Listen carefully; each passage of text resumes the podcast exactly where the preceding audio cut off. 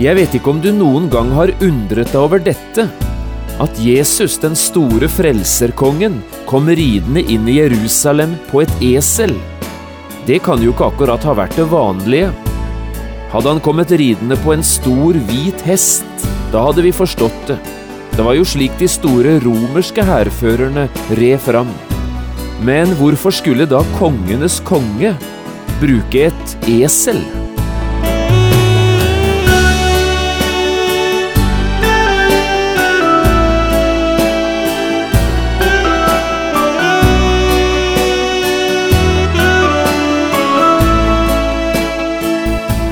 Hjertelig velkommen til et nytt program i serien Vindu mot livet. Programmet er produsert av Kristen Riksradio og blir ledet av Jon Hardang. Denne programserien er produsert med støtte fra Stray Nordform kjøkken og bad.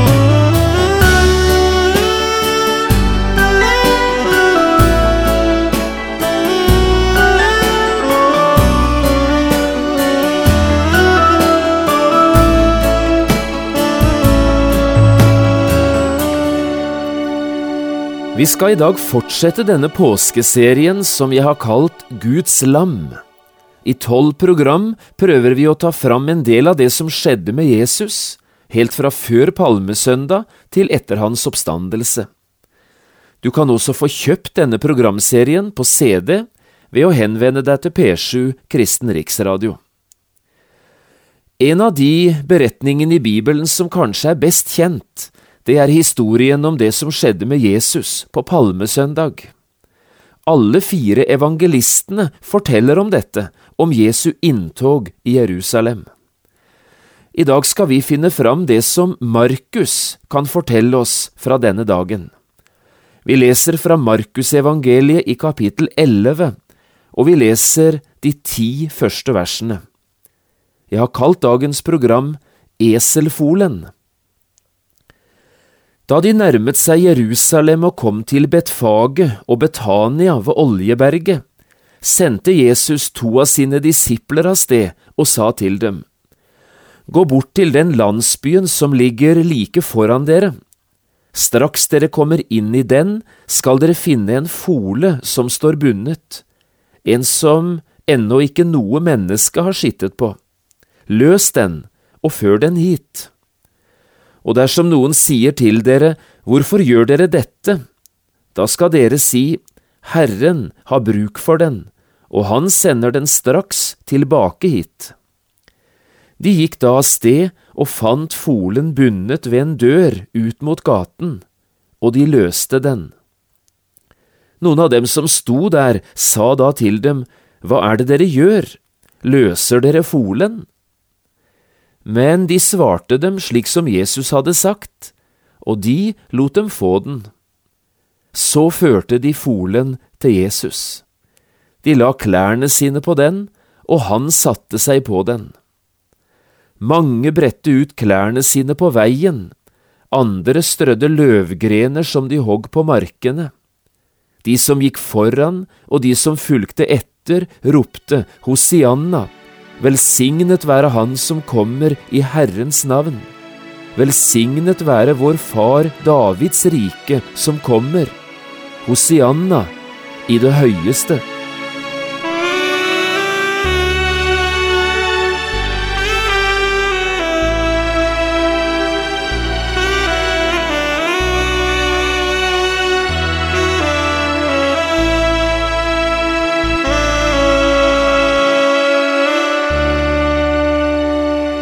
Jeg tror ikke noen som leser dette bibelavsnittet kan være særlig i tvil om hvem som er hovedpersonen i det som her fortelles. I Jerusalem var de i alle fall ikke i tvil, og jeg tror ikke du er det, du heller. Hovedpersonen i inntoget i Jerusalem var Jesus, Guds enbårne sønn og hovedpersonen også i det budskapet Gud rekker oss på palmesøndag, det er samme mann, Jesus Kristus. Markus lar oss i alle fall ikke være i tvil om dette, i måten han skriver sin beretning på, nettopp om dette som skjedde på palmesøndag. Hør enda en gang hvordan Markus beskriver det som skjedde.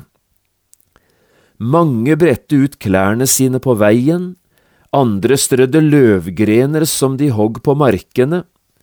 De som gikk foran og de som fulgte etter, ropte Hosianna, velsignet være Han som kommer i Herrens navn.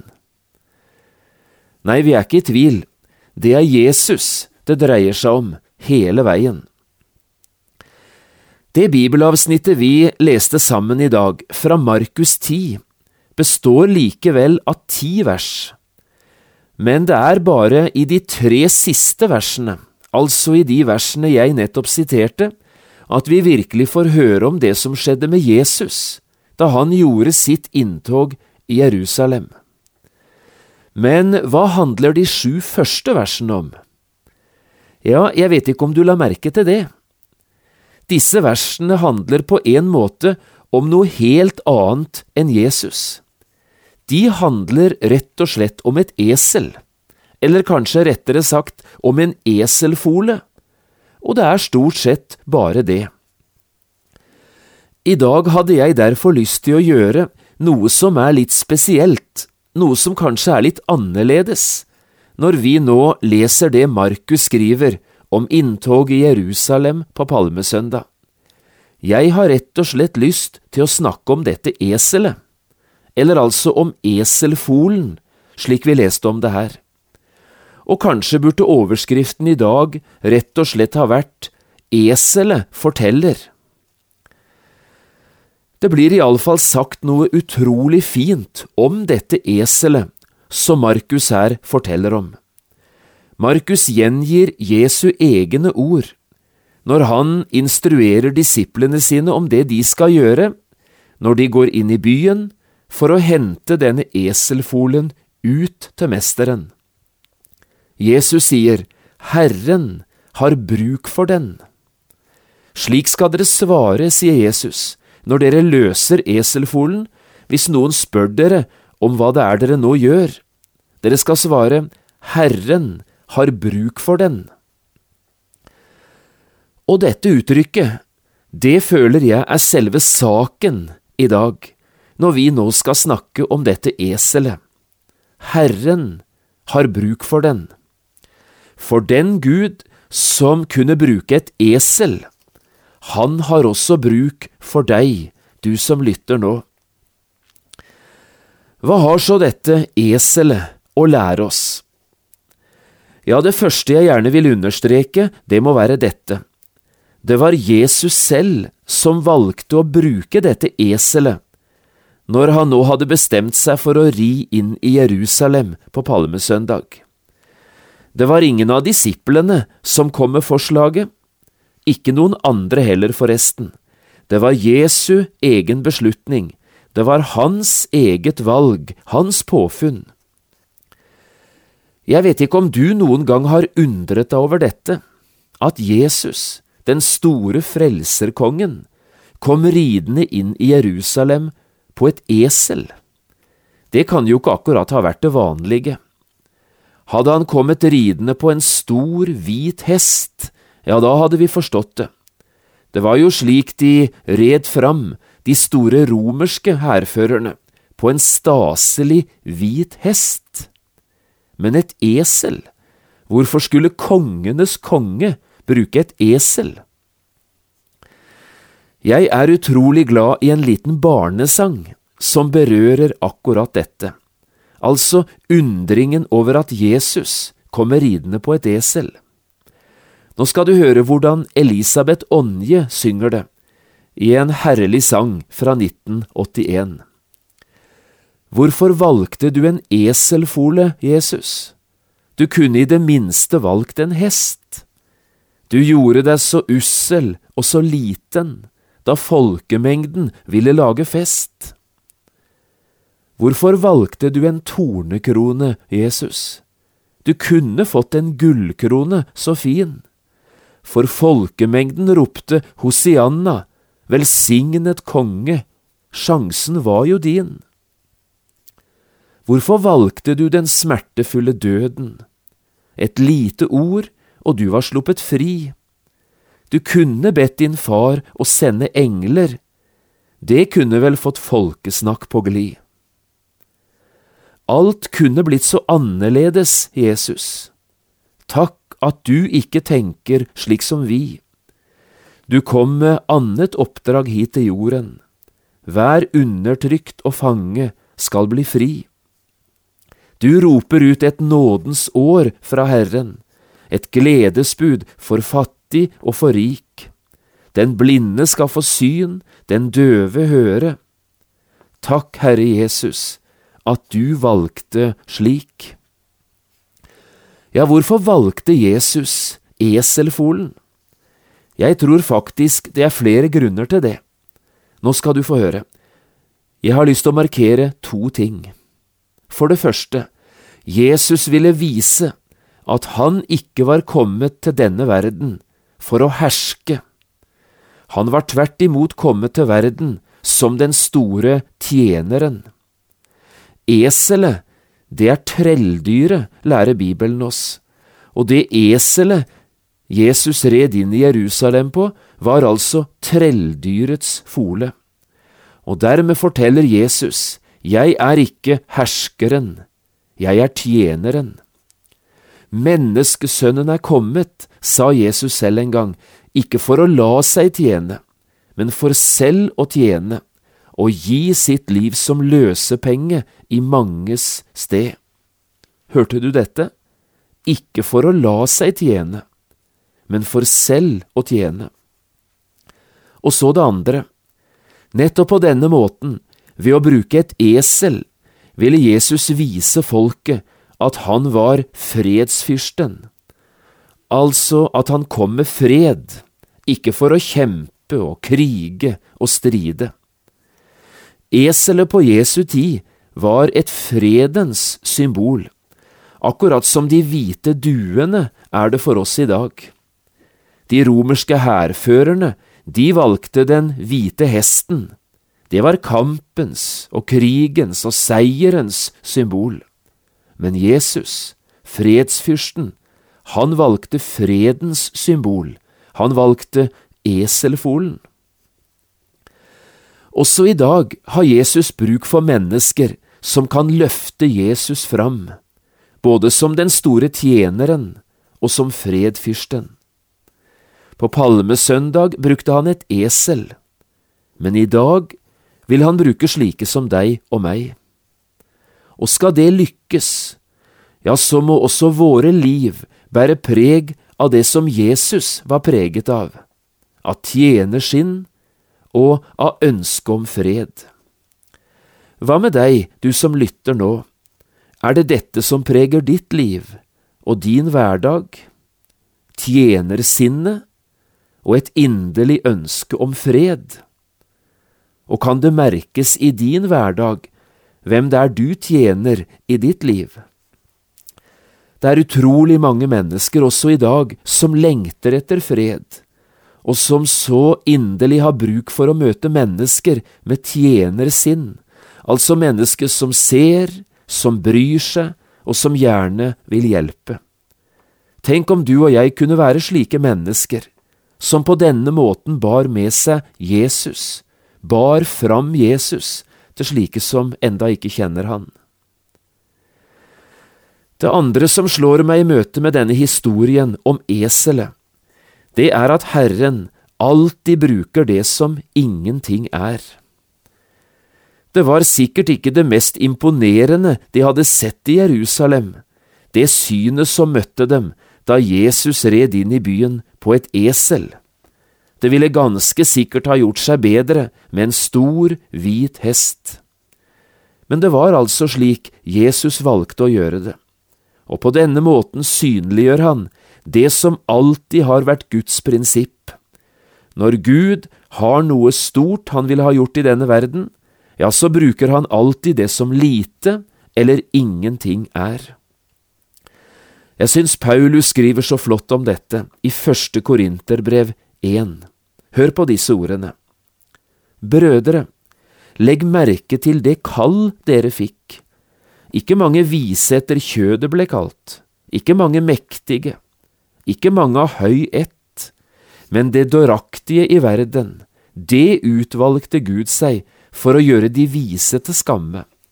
Og det som er svakt i verden, det utvalgte Gud seg for å gjøre det sterke til skamme. Det som er lavt i verden, og det som er foraktet, det utvalgte Gud seg, det som ingenting er, for å gjøre til intet det som er noe, for at intet kjød skal rose seg for Gud. Herlige ord, skrevet av Paulus. Og Jesus, han gjorde det ofte slik da han var her nede, at han brukte det som lite og ingenting var. På denne måten kunne han selv løfte fram sin egen storhet, og hvor annerledes det er med det som han kommer med, enn det som er det vanlige i denne verden. Et par eksempler. I møte med tusenvis av sultne mennesker, da brukte Jesus en liten gutt og ei enkel nistepakke bestående av fem brød og to små fisk. Men du verden for velsignelse dette ble, og så stor Jesus ble for menneskene denne dagen. Eller i møte med en hel verden som trenger å få høre evangeliet og bli frelst, så valgte Jesus å satse på tolv enkle og ganske alminnelige menn, uten spesielle, utvalgte egenskaper. De var fiskere og tollere og helt alminnelige folk. Men nå har evangeliet snart gått sin seiersgang i verden i 2000 år, og millioner av mennesker er frelst. Det begynte i det små, men det har blitt til noe enormt stort. Og så utrolig stor og verdifull Jesus har blitt for menneskene. Jeg synes dette er et fantastisk perspektiv. Gud bruker det som lite og ingenting er. Det gjorde han på palmesøndag, og slik vil han gjøre det også i dag. Det må bety at problemet for Jesus ikke er at vi er for små eller for hjelpeløse i oss selv. Problemet er heller hvis vi blir for store. Det er da Jesus har vanskelig for å få brukt oss. Men er vi små nok og avhengige nok av Gud, ja, så kan Jesus bruke oss, til ære for sitt eget navn og til stor velsignelse for andre. Se på den eselfolen som bærer Jesus inn i byen palmesøndag. Jeg tror ikke det var mange som snakket om eselet, eller beundret dette enkle dyret som her kom bærende med en mann. Nei, det var Jesus de snakket om, det var Jesus de sang om. Men det var altså takket være en eselfole at det var mulig å få øye på han. Jeg vet ikke hvordan det er med deg, du som lytter nå, om også du har et slikt ønske om å bli brukt av Jesus. Du skal i alle fall vite at Gud trenger deg, og at han gjerne vil bruke deg. Men det er en forutsetning for virkelig å kunne bli brukt av Jesus, en annen forutsetning enn den vi allerede har talt om. Også dette kan eselfolen lære oss. Nå skal du høre. Det skjedde tre ting med denne eselfolen før Jesus kunne sette seg opp på den, og den så bar Jesus inn i byen. Tre viktige ting. For det første, eselet ble funnet. Gå bort til landsbyen som ligger like foran dere, sa Jesus. Straks dere kommer inn i den, skal dere finne en fole. Og det gikk nøyaktig som Jesus sa. Disiplene fant eselfolen. For det andre, eselfolen måtte løses. Dere skal finne en fole som står bundet, sa Jesus til disiplene. Løs den, og før den til meg. Og dette gjorde disiplene, de løste folen. Og så det tredje, eselfolen ble ført til Jesus. Løs den, og før den til meg, sa Jesus. Og så dette gjorde disiplene.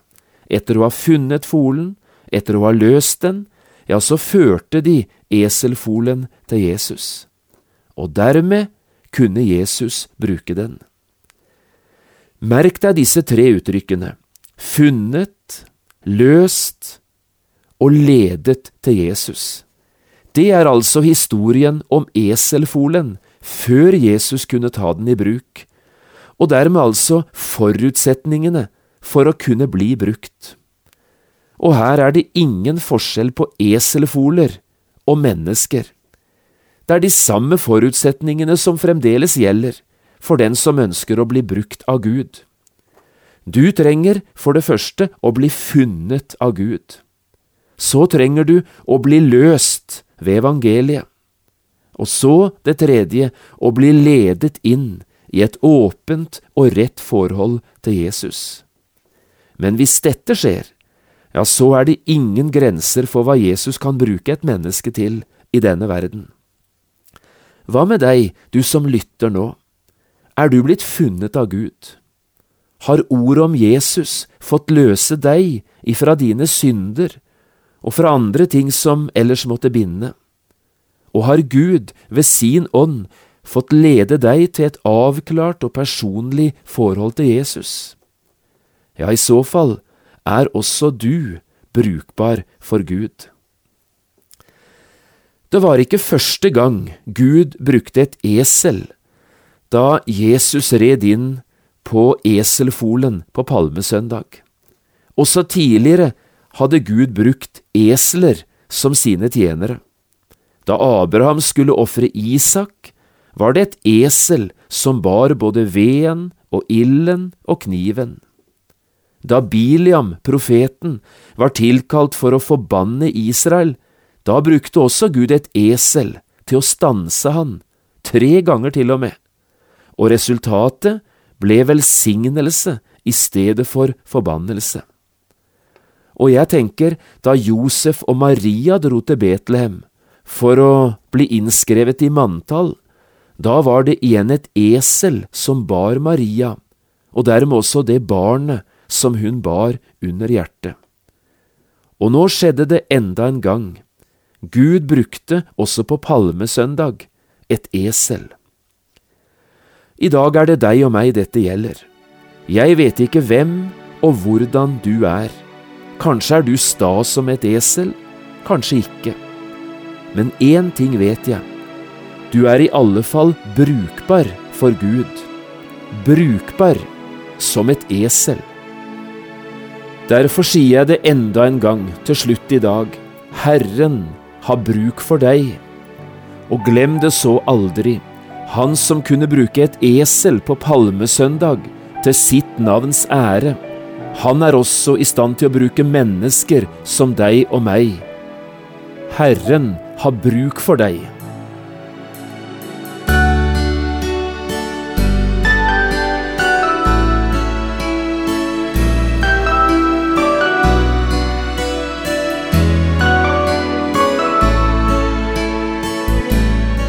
Du har lyttet til et program i serien Vindu mot livet med John Hardang. Programmene i denne serien kan også kjøpes på CD fra Kristen Riksradio, eller høres på internett på p7.no. Har du spørsmål eller kommentarer til det du nå har hørt, kan du ta kontakt med oss. Adressen er Kristen Riksradio, Skiene 2, 5353 Straume. Eller send en e-post vml alfakrøll p7.no. Takk for i dag, og på gjenhør.